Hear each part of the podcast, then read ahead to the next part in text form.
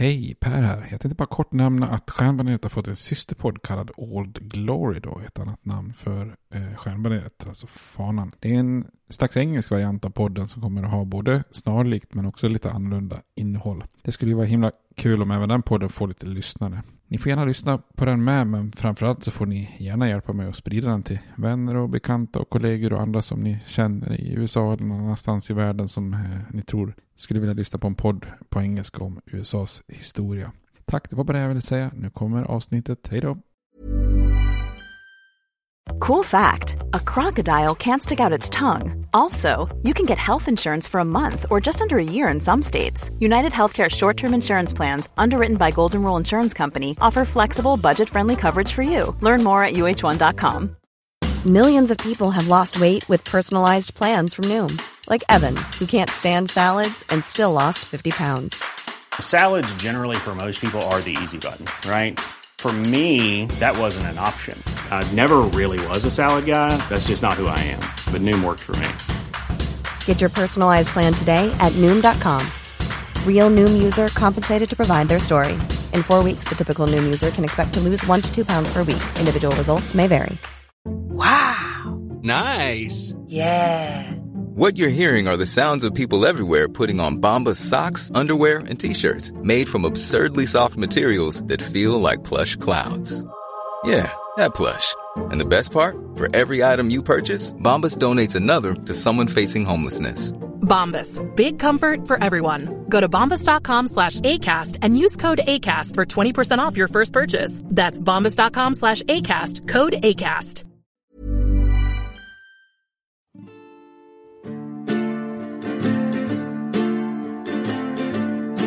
We hold these truths to be self-evident, that all men are created equal, that they are endowed by their Creator with certain unalienable rights, that among these are life, liberty, and the pursuit of happiness. Now we are engaged in a great civil war, testing that government of the people, by the people, for the people, shall not perish from the earth. And so, my fellow Americans, ask not what your country can do for you. Ask what you can do for your country. I have a dream. My four little children will one day live in a nation where they will not be judged by the color of their skin, but by the content of their character. Mr. Gorbachev, tear down this wall. I did not have sexual relations with that woman, Miss Lewinsky. Hej och välkommen till Stjärnbaneret, en podcast om USAs historia med mig Per Fjärdingby. Eh, Det var ett tag sedan det kom ett avsnitt nu. Det blir så ibland. Livet kommer emellan och man försöker få ihop allting. Men eh, ni kan alltid lita på att det kommer avsnitt. Jag får ju ibland frågor och varför är inte avsnitt på gång. Och jag har ju egentligen ingen eh, riktig plan så sett utan jag eh, försöker hitta luckor och, och eh, förbereda och spela in avsnitt. Så att, eh, men eh, jag eh, kommer att meddela om jag någonsin skulle lägga ner på den så att eh, då vet ni det att jag kommer alltid att komma förr eller senare. Jag tänkte vi skulle ta vid här. Vi har ju pratat ganska mycket om kalla krigets inledning och slutet av 40-talet, 50-talet. Eh, Vi har pratat om lite grann kalla kriget under Trumans era och vi har pratat om Eh, inrikespolitik i de senaste avsnitten. Jag tänkte vi skulle hoppa vidare och idag prata lite grann om kalla kriget då under Eisenhowers år och hur eh, Dwight Eisenhower och hans medhjälpare hanterar eh, kalla kriget. Då. Innan vi gör det då så, eh, så har vi varit inne lite grann när vi pratar om öl så har vi pratat om de här vildjästa, spontanjästa, lambic, kösekrik och så vidare. Till det här avsnittet så sa jag att vi skulle prata lite grann om det som kallas för flamländsk brun och röd. Och eh, det är ju egentligen lite mörk mörkare öl som lite grann liknar lambicken eftersom de också har vildjäst i sig då så att säga. Kommer oftast från eh, Flandern i Belgien eh, och där, därav får de oftast då namnet flamländsk brun och flamländsk röd. Eh, och det här är ju ganska snarlik sån här lambic fast då lite mörkare i färgen då naturligtvis drar åt det röda eller det bruna hållet då vilket ju såklart hörs lite grann på, på namnen då. Och det här är ju öl som man jäser med en rad olika gäster. Alltså öl kan ju jäsas med flera gäststammar om man vill då. Eh, och de här ölen lagras oftast i ekfat där den då kommer i kontakt med sådana här vildgäster, Brettanomyces som det heter, och mjölksyrebakterier och annat, och precis som lambic och, och köse då. Och det här gör ju att de här ölen får en ganska tydligt syrlig smak då med, med lite inslag av vinäger eller antydningar till bär och lite choklad ibland då så att säga. Den bruna kallas väldigt ofta för Odd Bruin och den röda kan ibland kallas för Odd Rud då med där själva ordet odd eller odd står för gammal, det vill säga egentligen då från början lagrad. Eh, och det handlar ju om att eh, jäser man med sån här vildjäst som gör det lite syrligt och sådana här bakterier så tar det lite längre tid då. Alltså den står ju dessutom också lagrad ett tag då. Och ju längre man lagrar desto syrligare blir den ju såklart då. Eh, dessutom får de ju oftast ganska tydliga karaktär av de här ekfaten då. Eh, den röda härstammar mer från västflandern och är oftast mer präglad av lite så här vinägerinslag och kraftig syrlighet. Då. Den eh, bruna härstammar mer från östflandern och är kanske oftast lite mer präglad av att vara lite sötare och kanske lite mustigare då kan man säga då.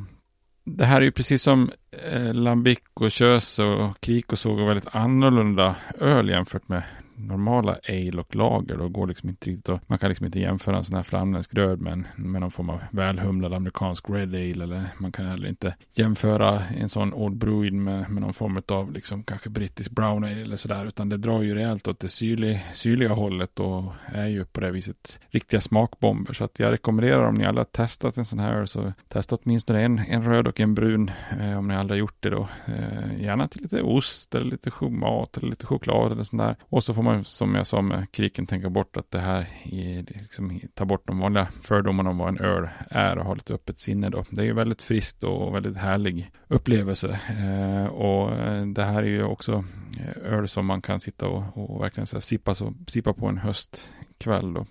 Eh, försöker få tag på någonting från Rodenbach, ett klassiskt bryggeri. De har lite olika varianter. Grand Cru, Vintage, Alexander som nu har lite bär i sig också då. Det finns en klassiker som heter Duchesse de Bourgogne. Som får man tag på den så ska man naturligtvis köpa den. Det finns Queer Jacobins eh, och även Liefmans Godenbrand. Eh, så att det finns många eh, olika typer av sådana här öl men brukar väl oftast stå under specialölhyllan på eh, svenska monopolet. Nästa gång tänkte jag att vi skulle prata om som sy ihop säcken kring det här med vildjäst öl och prata om eh, lite grann annan berättande mysesöl. Jag tänkte framförallt att vi skulle fokusera på det, den ölen som heter Orval som är egentligen en trappistöl med, med, med vildjäst i. Så försök att få tag på en Orval om ni klarar att få tag på den.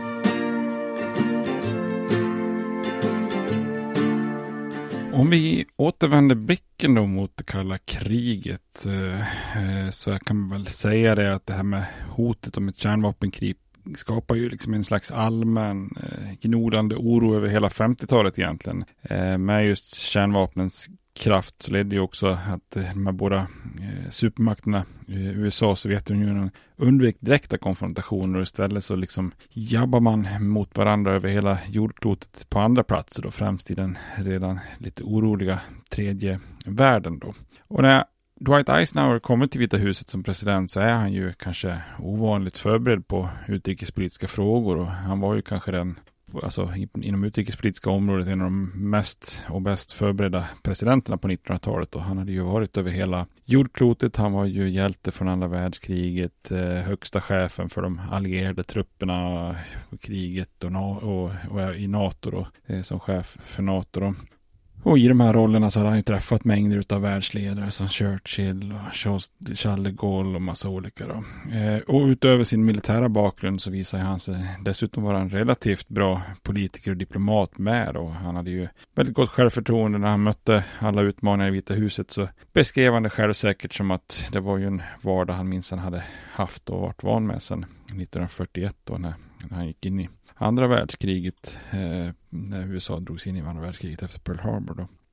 Eisenhower var också en praktisk man som förstod eh, det farliga att gå allt för långt i, i, eh, idealism och ideologi och att man på den internationella arenan behövde kompromissa då och då och den egenskapen blev dessutom extra viktig eftersom man utsåg eh, John Foster Dulles som utrikesminister och Dulles bakgrund som aristokratisk eh, företagsadvokat med ett slags intensivt hat mot kommunismen som gjorde ju honom till en väldigt konservativ och kompromisslös ideolog då. han menar ju att eh, Trumans den här containment policyn, alltså uppdämningspolitiken, hade varit alldeles för passiv och begränsad. Att, och att bara stoppa kommunismen från att breda ut sig var, var liksom inte riktigt tillräckligt enligt Dulles. Han eh, menar att kommunismen istället skulle rullas tillbaka då och förgöras så att kommunistiska länder snarare måste befrias då än att bara eh, undvika att fler länder hamnar i den kommunistiska follan då så att säga. Eh, och trots då en mer extrem ideologisk grund så, så tvingas han ändå anpassa sig till Eisenhowers mer moderata eh, kompromisshållning då. Och Eisenhower delegerar väldigt mycket av utrikespolitiken politiken till Dulles och, och lät liksom ministern eh, stå i rampljuset och föra fram budskapen. Medan Eisenhower gillar ju snarare då att jobba lite bakom scenerna då. Men det, trots det här intrycket av att Dulles styrde ganska mycket så överlät presidenten aldrig liksom den yttersta kontrollen till, till sin minister utan fattade de här viktigaste besluten eh, själv ytterst. Och, och ett resultat av det här var ju att han, Dulles, ringde eh,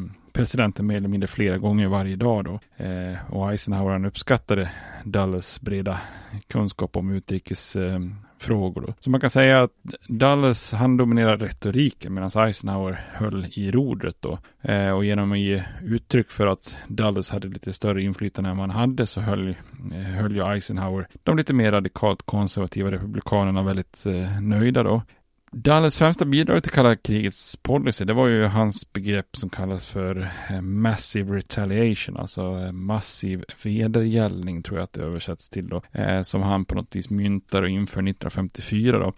Tanken är då att istället för att använda konventionella vapen i, i, lokala konflikter som USA hade gjort till exempel i Korea då, så menar han att ett hot mot USA och dess allierade Eh, skulle mötas med, som han då sa, the deterrent of massive retaliatory power, vilket då egentligen då var ett sätt att säga att man skulle möta hoten med, med just kärnvapen då. Och att Sovjetunionen skulle tvingas till eftergifter genom att man då satte hårt mot hårt då. Och en av, av krafterna bakom massiv vedergällningspolicyn, det var ju de ekonomiska. Alltså många i USA, oavsett parti, menar ju att USA var tvungen att dra ner på sina kostnader för militär och försvar. Och då fanns det på sätt och vis liksom bara en väg framåt då, att förlita sig på kärnvapen för att få så att säga mest bang for the buck som man säger.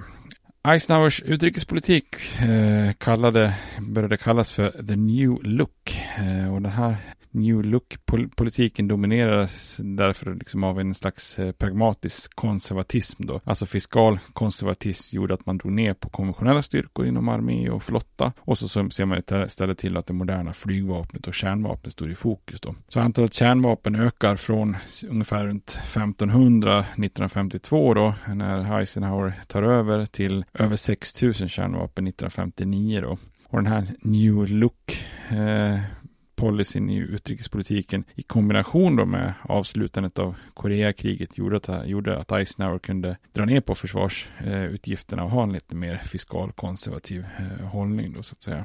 En andra strategi i den här New Look-politiken var ju att inte fokusera på Sovjetunionen i sig, utan att försöka att ringa in landet genom, eller stänga in landet, alltså Sovjetunionen genom att förhandla fram eh, olika försvarsavtal med olika regioner och länder. Eh, I slutet av 1950-talet så hade USA ingått avtal med 43 olika länder eh, om att samarbeta mot kommunistisk aggression, som man uttryckte det då.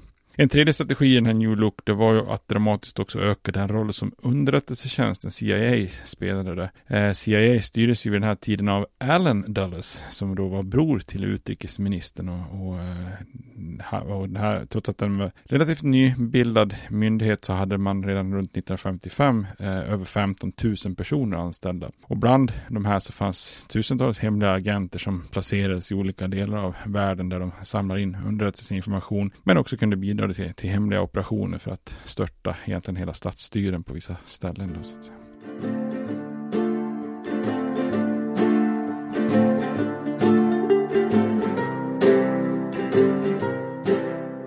Eisenhower han ville ju kontrollera och, på något vis tina upp det kalla kriget och få en mer avspänd relation med Sovjetunionen och hans kontakter och hantering eh, av de här direktkontakterna med Sovjetunionen gjorde Eisenhower med en lite försiktig och återsam hållning. Eh, så medan Dulles fick stå för sina utspel om massiv vedergällning och kärnvapenhot så försökte Eisenhower i praktiken få till en, en slags nedrustning då. Och strax efter att Eisenhower själv valts till president så, så dör ju också eh, Josef Stalin då. Och där blir ju då till slut Nikita Khrushchev som tar över som eh, premiärminister och, och kommunistpartiets ledare. Då. Khrushchev, han var ju en slug ledare och eh, han planerade ju även han att försöka trappa ner retoriken och konfrontationen så att Sovjetunionen också kunde lägga mindre pengar på militären och mer på annan produktion. Då. Samtidigt hoppas han hoppades han ju också som en bieffekt att om kalla kriget blev aningen varmare då, så att säga skulle, skulle banden mellan USA och alla de här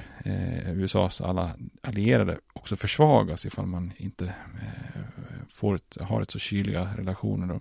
I ett tal 1953 så föreslog Eisenhower att USA och Sovjetunionen skulle göra slut på upprustningsracet och Chrusjtjov svarade med att lösa ut frågan om krigsfångar med Tyskland som hade gnagt en del. Han etablerar diplomatiska förbindelser med Grekland och Israel och så drar han bort sina trupper ifrån eh, Österrike. Ni kommer ihåg att jag nämnde att Österrike var ju också uppdelat i sådana här ockupationszoner som Tyskland en gång hade varit. Så att där visar ju Khrushchev lite välvilja och den här välviljan från båda sidor banar ju då vägen för ett toppmöte i Genève 1955 då mellan Sovjetunionen, eh, USA, Storbritannien och Frankrike. Och det är ju, man märker att kalla kriget har varit lite kallt för det här är ju det första toppmötet sedan det här Potsdam-konferensen 1945 som vi pratade om då.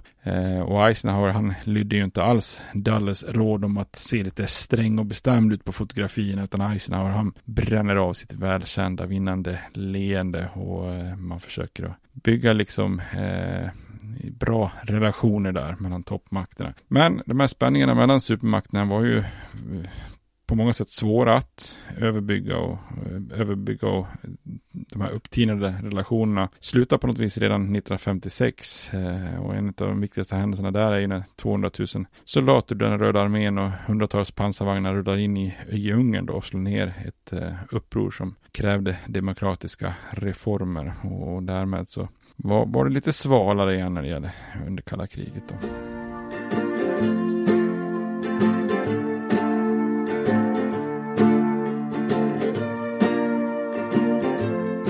Kalla kriget fortsätter ju också eh, i Asien. Vi såg ju hur det kanske främst var fokus på Europa först, men sen så sprids det ju till Asien och vi har ju hela Koreakriget till exempel. Då. Och så fort Eisenhower hade valts till president så såg han ju till att leva upp till ett av sina vallöften då som han hade haft under kampanjen gällande Koreakriget och det var ju att han skulle besöka krigsfronten i Korea och, och se till att den här konflikten slutade. Eh, och han inser ju då eh, Eisenhower att diplomati är den enda vägen framåt. Eh, konservativa republikaner motsatte sig eh, liksom alla förhandlingar och ansåg att fortsatt kommunistisk kontroll över den här norra delen av landet var förkastligt. Men Eisenhower, han eh, var ju på många sätt orubblig. Han ville helt enkelt bara avsluta konflikten och spara, spara liv då. Så samtidigt som man hintar om att man kan använda atombomber gentemot Kina så försökte man pressa fram förhandlingar och det här subtila hotet i kombination med just Stalins död i mars 1953 ledde till att striden striderna avslutas i Korea. Eh, någon egentlig fred är det ju inte, eh, var det ju inte tala om, utan det man fick till var ju ett vapenstillestånd som, som gäller eh, faktiskt än idag då. Eh, men det viktiga för Eisenhower var ju att krigstillståndet var över då. Och en konferens i, i också den i Genève 1954 slog ju fast att Korea skulle enas fredligt, men det vet vi ju eh, hur det gick med det så att säga, som man fortfarande inte har lyckats, utan det är ju egentligen det här vapenstilleståndet som, som, som levde kvar i, ända till modern tid. Då. Maos kommunistiska styre i Kina var ju också en utmaning för Eisenhower i USA. Många republikaner anklagade just demokraterna under Truman då för att ha, som han sa, förlorat Kina eh, och insisterar ju på att Mao är ju bara någon form av nickedocka till Sovjetunionen då. Maos ingripande i Korea sågs som en bara som en liten del av en större kommunistisk eh, världsoffensiv. Då. Eh, amerikansk underrättelse visste ju dock att det redan fanns slitningar mellan Kina och Sovjetunionen. Eh, Eisenhower och Dulles såg ju liksom en möjlighet att börja slå en kil mellan de båda kommunistiska länderna, precis som Sovjetunionen ville slå en kil mellan USA och allierade så vill ju vill ju USA se till att inte Kina och Sovjetunionen samarbetar för mycket. Då. Eh, och Kina behövde ju liksom då övertygas att Sovjetunionen inte skulle skydda deras intressen under hösten 1954 så kom ju en chans till det här och då började kommunistiska Kina under Mao hota att de skulle bombardera två stycken öar som ockuperats av eh, Chiang Kai-sheks nationalister då. Eh, och många i USA oroade sig att det var ett förstadium till att invadera själva huvudön Formosa då. Eh, ni vet, man har ju bildat ett, en, en, ett nytt land där Taiwan då de nationalist, kinesiska nationalisterna på de här öarna utanför den kinesiska kusten när man förlorar inbördeskriget. Som jag tror vi nämnde i något avsnitt här. Eh, återigen så ville ju då mer eh, radikala republikaner att, att president Eisenhower skulle bomba det kinesiska fastlandet som vedergällning. Men istället så förlitade sig ju Eisenhower på sina mer moderata och indirekta metoder. Han lät eh, Dulles skriva ett avtal med Taiwan då där USA åtog sig att skydda själva huvudön Formosa. Eh, och när Kina inledde bombningen av de här andra öarna så drev presidenten igenom en resolution i kongressen som gav honom tillåtelse att försvara Formosa och så att säga närliggande områden. Eh, han vägrade ju då alltså att uttryckligen definiera de här öarna som Kina hotade. Istället hintar man att USA kunde komma att använda kärnvapen mot Kina. Och Mao och de kinesiska ledarna vågade inte riktigt testa ifall Eisenhower och Dulles bluffade eller inte så att till slut så slutar man bomba de här öarna då.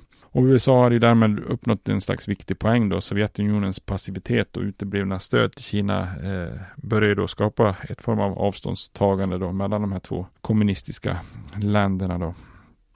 USA hann ju dock knappt lösa problemen med Korea och Kina innan landet blev indragen i ett annat problemområde då i form av Indokina i Sydostasien där eh, USA här på slutet av 50-talet började ta sina första stapplande steg mot eh, Vietnamkriget. Då. Eh, Indokina som alltså om man tittar på dagens karta då motsvarar ungefär länderna Vietnam, Laos och Kambodja på ett ungefär. Eh, hade ju tillhört Frankrike innan andra världskriget och som koloni men hade ju gått förlorad till Japan under kriget. Och, och efter Japans fall och freden 1945 så försökte ju fransmännen återupprätta kontrollen i regionen medan man eh, på plats där ville ju hade nationella, nationella styrkor som, som ville liksom ha eh, självständighet från kolonialmakterna då.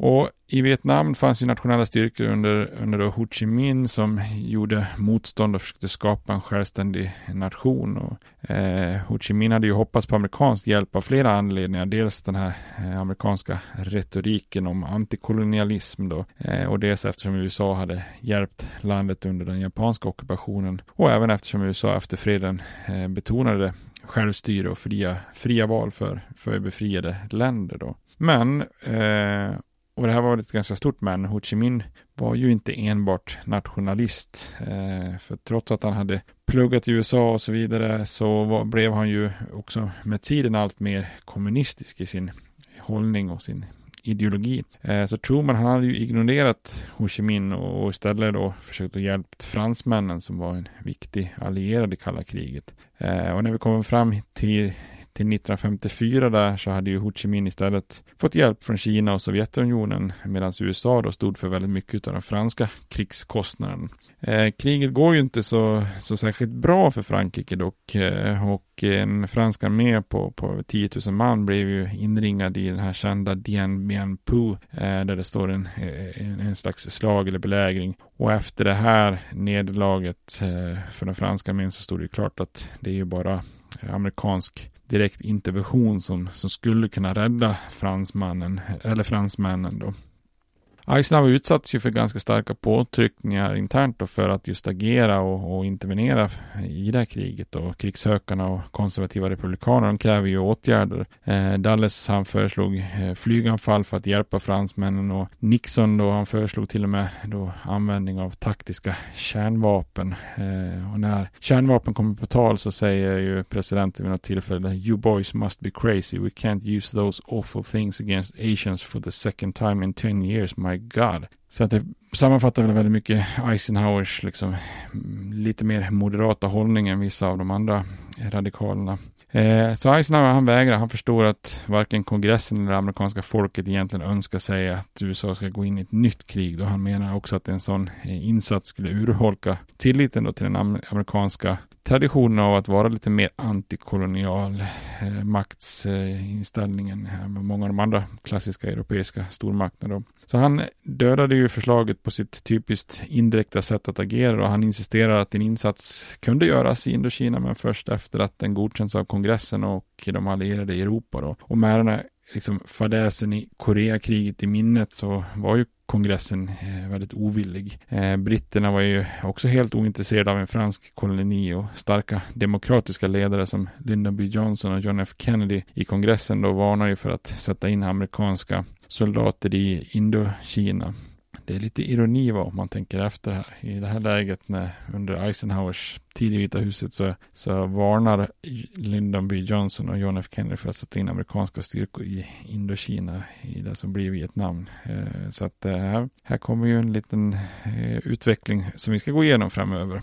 Eh, hur som helst, utan en amerikansk insats så, så går det ju illa för fransmännen som ju då, eh, kapitulerar med den här Dien Bien Phu i maj 1954. Och på samma konferens som löste Koreakriget gick de involverade med på att Vietnam skulle delas längs den 17 latituden då, där den norra delen skulle vara styrd av Ho Chi Minh och den södra skulle vara styrd av den västvänliga Ngo Dinh Diem då. Och trots att val skulle hållas 1956 för att ena landet så litade Diem på utlovat amerikanskt militärt stöd och förstod att kommunisterna skulle vinna så han vägrade hålla det här valet. Så att här har vi ju då ett problem som USA kommer att behöva ta tag i och eh, som leder landet in eh, i Vietnamkriget och själva grunden läggs redan här då. Och genom sitt agerande så hade ju Eisenhower eh, undvikit att involvera amerikanska trupper i ett franskt kolonialkrig. Men hans löfte om att motstå, motstå kommunistisk expansion i, i Sydvietnam innebar att USA eh, hade tagit de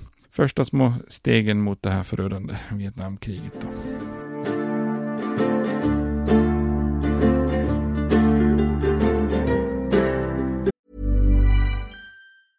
Hey, I'm Ryan Reynolds. Recently, I asked Mint Mobile's legal team if big wireless companies are allowed to raise prices due to inflation. They said yes. And then when I asked if raising prices technically violates those onerous two-year contracts, they said, "What the f*** are you talking about? You insane Hollywood ass."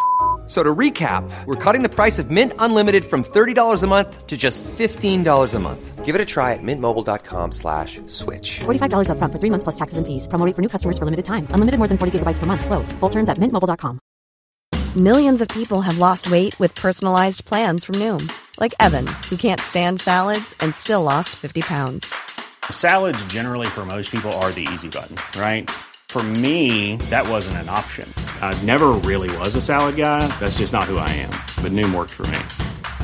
Get your personalized plan today at Noom.com. Real Noom user compensated to provide their story. In four weeks, the typical Noom user can expect to lose one to two pounds per week. Individual results may vary.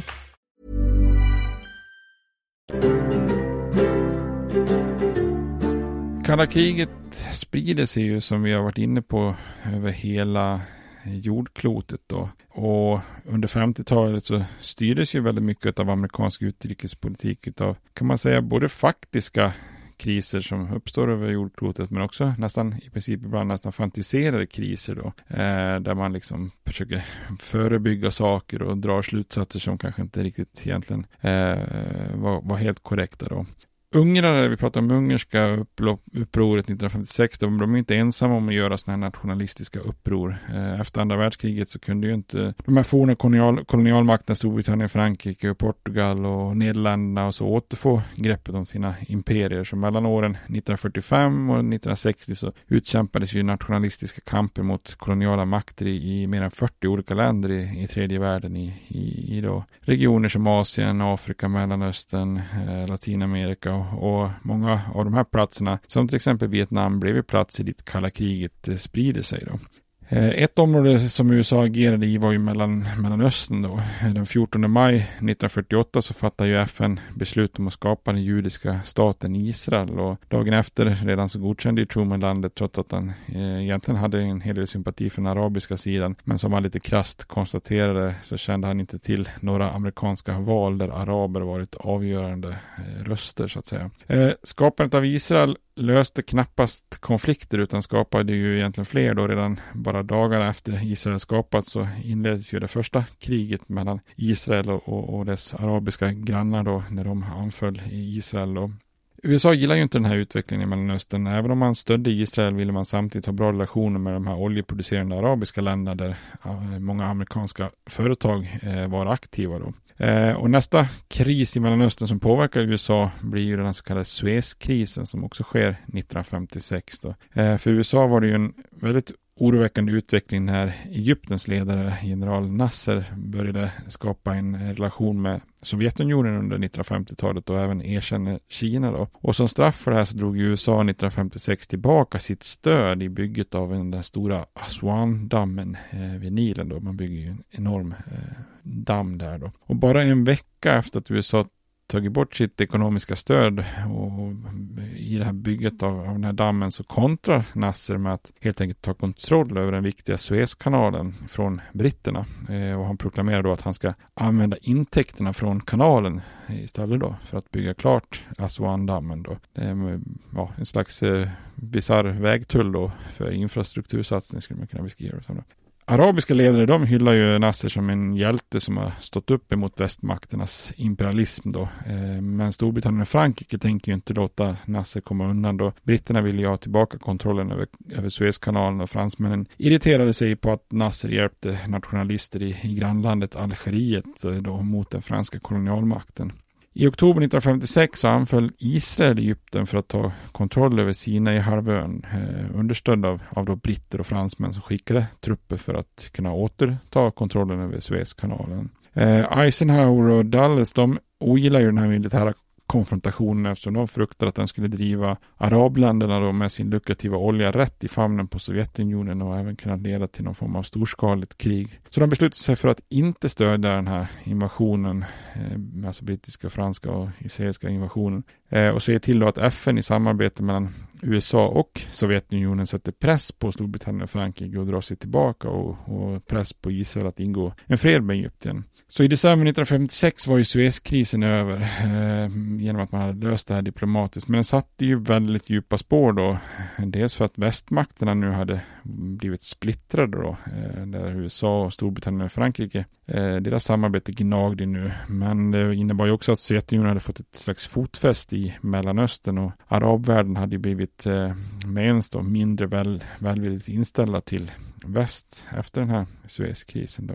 Eh, 1957 efterfrågade Eisenhower en resolution som godkändes av kongressen och innebär att eh, presidenten fick bred befogenhet att ge ekonomisk och militär hjälp till allierade i Mellanöstern för att bekämpa kommunismen. Eh, och det här kom sen senare att bli känt som den så kallade Eisenhower-doktrinen.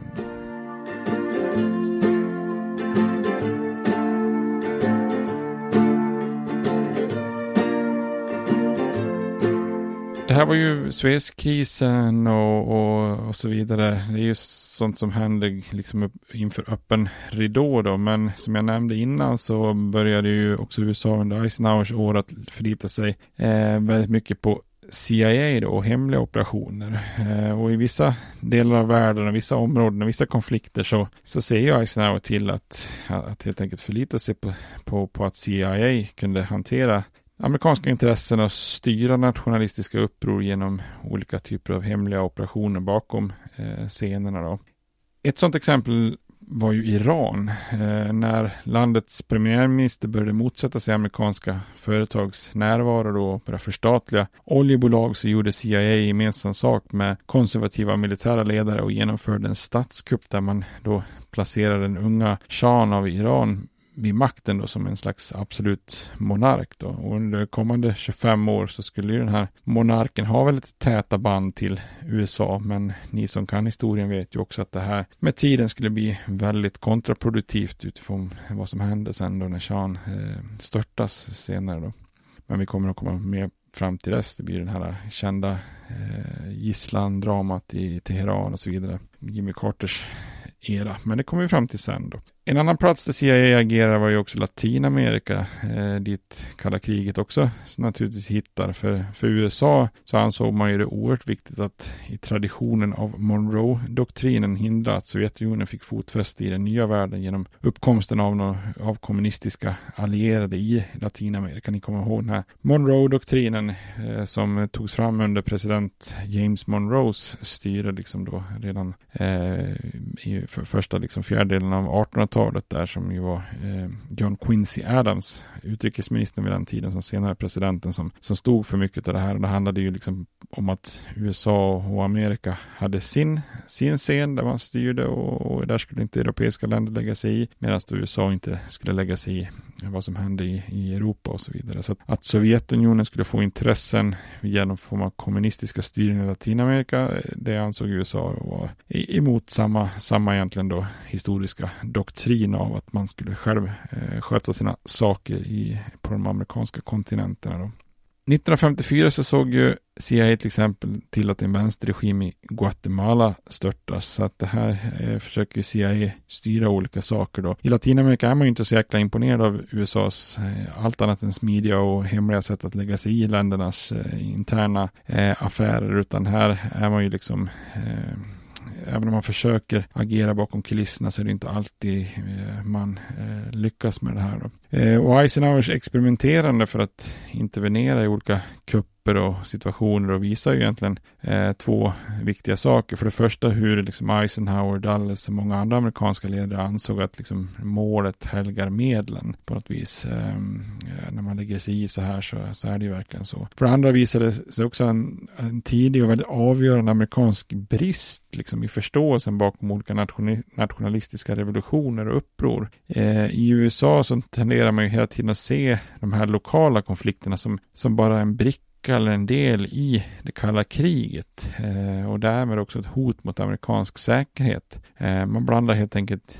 ihop inhemska nationalistiska rörelser med sovjetisk aggression. Eh, man tror på något vis att USA, eller vad säger jag, man tror på att Sovjetunionen på något vis hela tiden har ett finger med och styr i saker och, det här kan man ju se i efterhand att det var långt ifrån sant i, i, i många situationer utan här kanske det är helt enkelt bara en, en liten inhemsk konflikt men USA sätter hela tiden in det här i, i ett större perspektiv. Så på så sätt, orsak och verkan kan man nästan säga att det är USA som, som ser till att det många lokala konflikter och kupper och annat liksom blir en del i, i kalla kriget snarare än, än tvärtom då att, man, man, att, att det var så från första början att USA därmed tvingas agera som man tror. Då, Så det här är ju man blandar helt enkelt ihop en massa in, in, inhemska nationella rörelser med, med att det är Sovjetunionen som drar i trådarna och det är ju en ganska arrogant inställning eh, som supermakt eh, som man hade då. Man tror på att USA kunde och borde utforma inhemska affärer i länder som låg långt bort från USA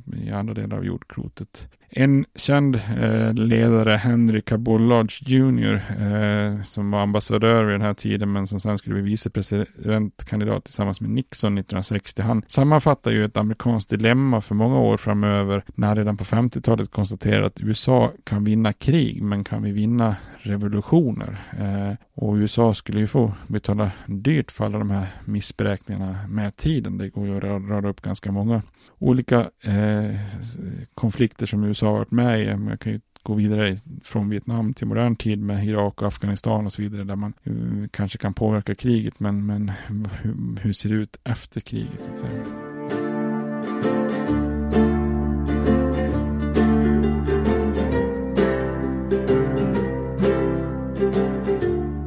Eisenhower var ju stolt över att USA under hans styre, som han uttryckte det, inte förlorade en tum av mark till kommunismen då. Eh, men själva grundbulten i Eisenhowers utrikespolitik enligt den här New Look skaka, skakas om rejält och hela USA chockades ju väldigt mycket den 4 oktober 1957, för det är ju den dagen när Sovjetunionen skickar upp sin första rymdsatellit då, den så kallade Sputnik. Eh, och inte nog med det, bara en månad senare så skickar de ju upp en andra satellit i rymden och den här gången då har man ju ombord hunden Laika som då blir den första, eh, vad ska man säga, jordvarelsen som lämnar jordens atmosfär. Eh, eh, och blir också den första som får möta döden i, i rymden för eh, hunden kommer ju inte tillbaks här. Som min yngsta dotter kom hem och prat, hade pratat om eh, på, på eh, förskolan för inte så länge sedan. Eh, eh, helt plötsligt nämnde hunden Laika, det var lite roligt. Eller roligt.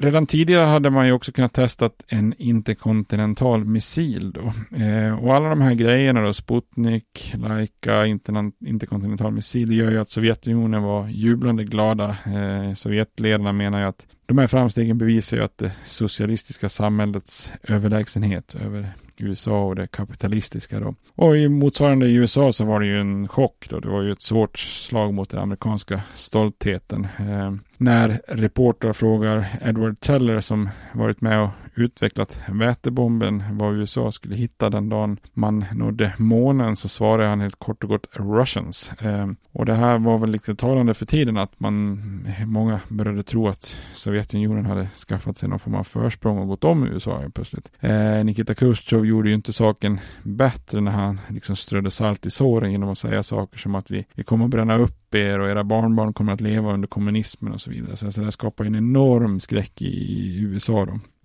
Eh, det skapar också en ganska svår oro över det som benämndes som the missile gap, alltså eh, gapet mellan hur många missiler eh, de här två supermakterna har då, sett till både antal och kvalitet på missiler. Och många befarar ju då att USA hade, som ju hade haft ett bra försprång från början, hade blivit både omsprunget då, och att Sovjet låg flera år före i utvecklingen. Då.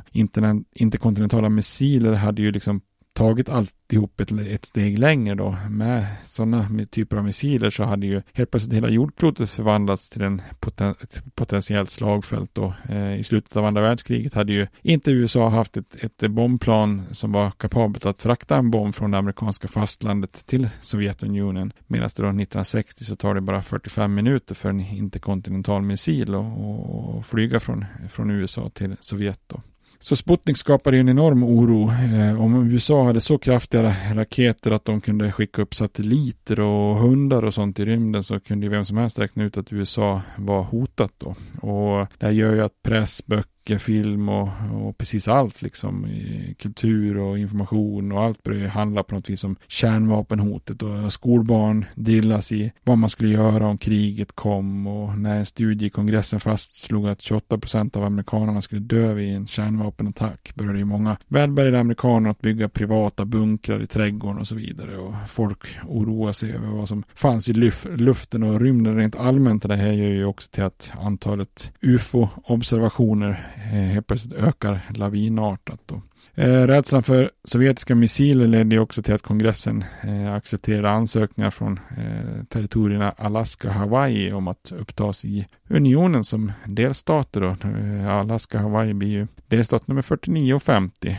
så då är vi ju helt plötsligt också i mål när det gäller nya delstater. Ehm, det är lite lustigt, vi som har pratat om det här många gånger tidigare när USA expanderade över kontinenten och sen vart det liksom ett litet uppehåll men nu, nu är vi i mål. Det tyder på att podden börjar komma väldigt närma modern historia. Alltså. Eh, varför just de här två delstaterna som, alltså, som inte tillhörde fastlandet? Menar, det är lite ologiskt på ett sätt för de övriga 48 tillhörde ju fastlandet och man hade ju inte velat eh, acceptera territorier som Puerto Rico och sånt som, eh, som delstater tidigare. Eh, och, och det enkla svaret är ju egentligen ganska kopplat till kalla kriget. De här områdena var ju, alltså Hawaii och Alaska var ju väldigt bra placerade för att kunna ge tidiga varningar om ankommande missiler, själva ut, utgöra liksom, eh, platåer för att skjuta så att det, det finns ju en, en, eh, en, tydlig koppling mellan att man tar upp de här områdena som delstater. Sputnik var ju bara den första av en rad kriser där runt sekelskiftet 1950-talet till 60-talet och nästa nederlag kom i maj 1960 när Sovjetunionen sköt ner ett amerikanskt så kallat U-2 spionplan över sitt eh, territorium då och även kunde fånga piloten Francis Gary Powers då. Amerikanska ledare hade ju koll på att Sovjetunionen inte gärna kunde ha Eh, egentligen något försprång i missilutvecklingen och eh, försvar eftersom man, eh, man var tveksam till det eftersom man hade spionerat väldigt länge över sovjetiskt territorium. Eh, och det sättet man hade spionerat var just de här planen som flög extremt högt och som kallades för U2-plan. Eh, USA hade ju gjort regelbundna flygningar ända sedan 1956 med de här typen av plan då. Men just här 1960 så blev ett sådant uppdrag, eh, gick det snett då när den här Powers blev nedskjuten eh, och till en början försökte Eisenhower förneka spioneriet och man beskrev flygningen som ett värdedatasamlingsuppdrag som hade hamnat ur kurs.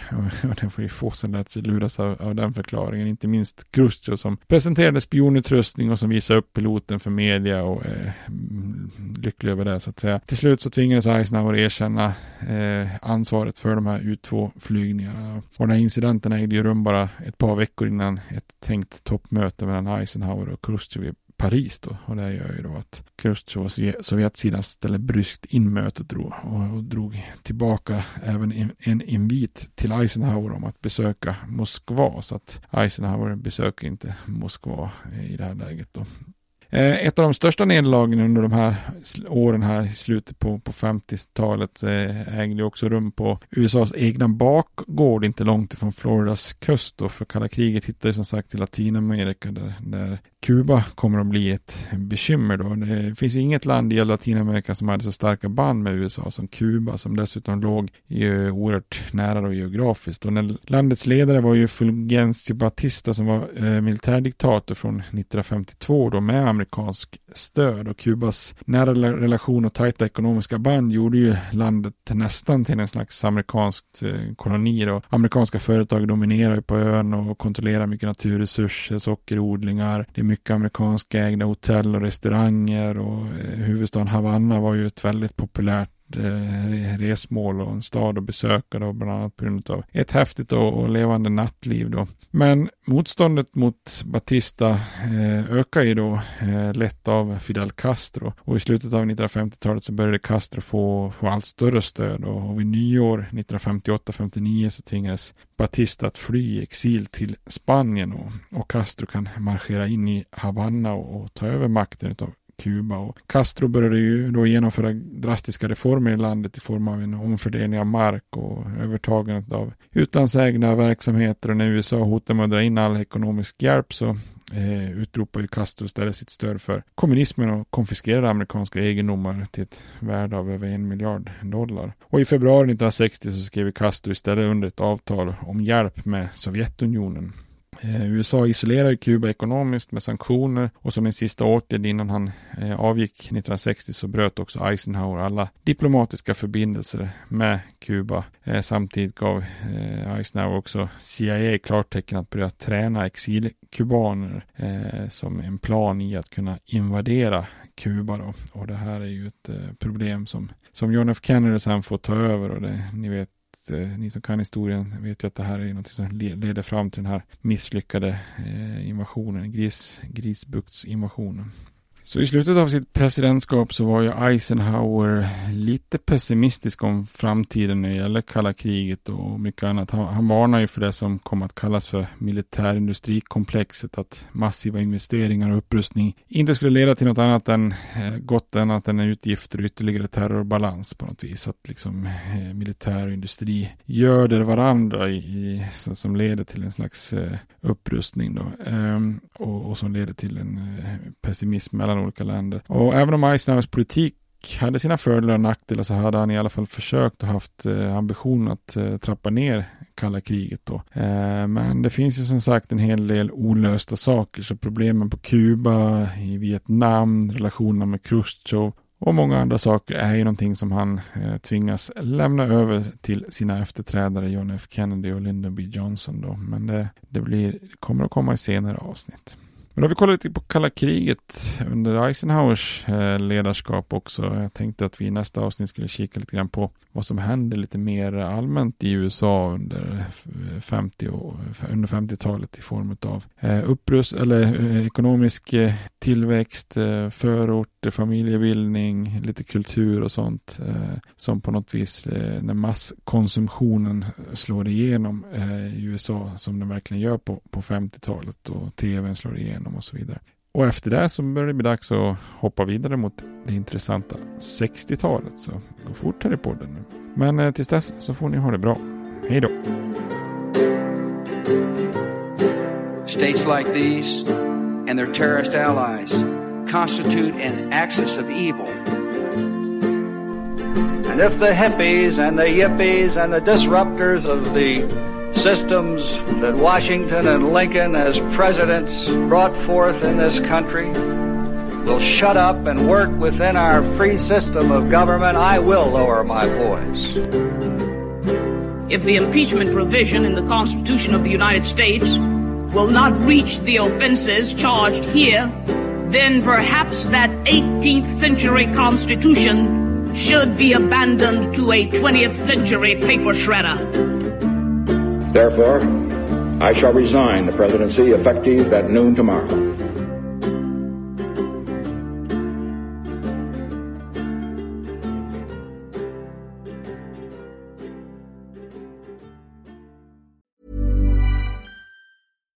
Why don't more infant formula companies use organic, grass fed whole milk instead of skim? Why don't more infant formula companies use the latest breast milk science? Why don't more infant formula companies run their own clinical trials? Why don't more infant formula companies use more of the proteins found in breast milk? Why don't more infant formula companies have their own factories instead of outsourcing their manufacturing? We wondered the same thing.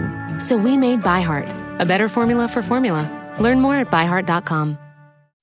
When you make decisions for your company, you look for the no-brainers. If you have a lot of mailing to do, stamps.com is the ultimate no-brainer. Use the stamps.com mobile app to mail everything you need to keep your business running with up to 89% off USPS and UPS. Make the same no-brainer decision as over 1 million other businesses with stamps.com. Use code PROGRAM for a special offer. That's stamps.com, code PROGRAM.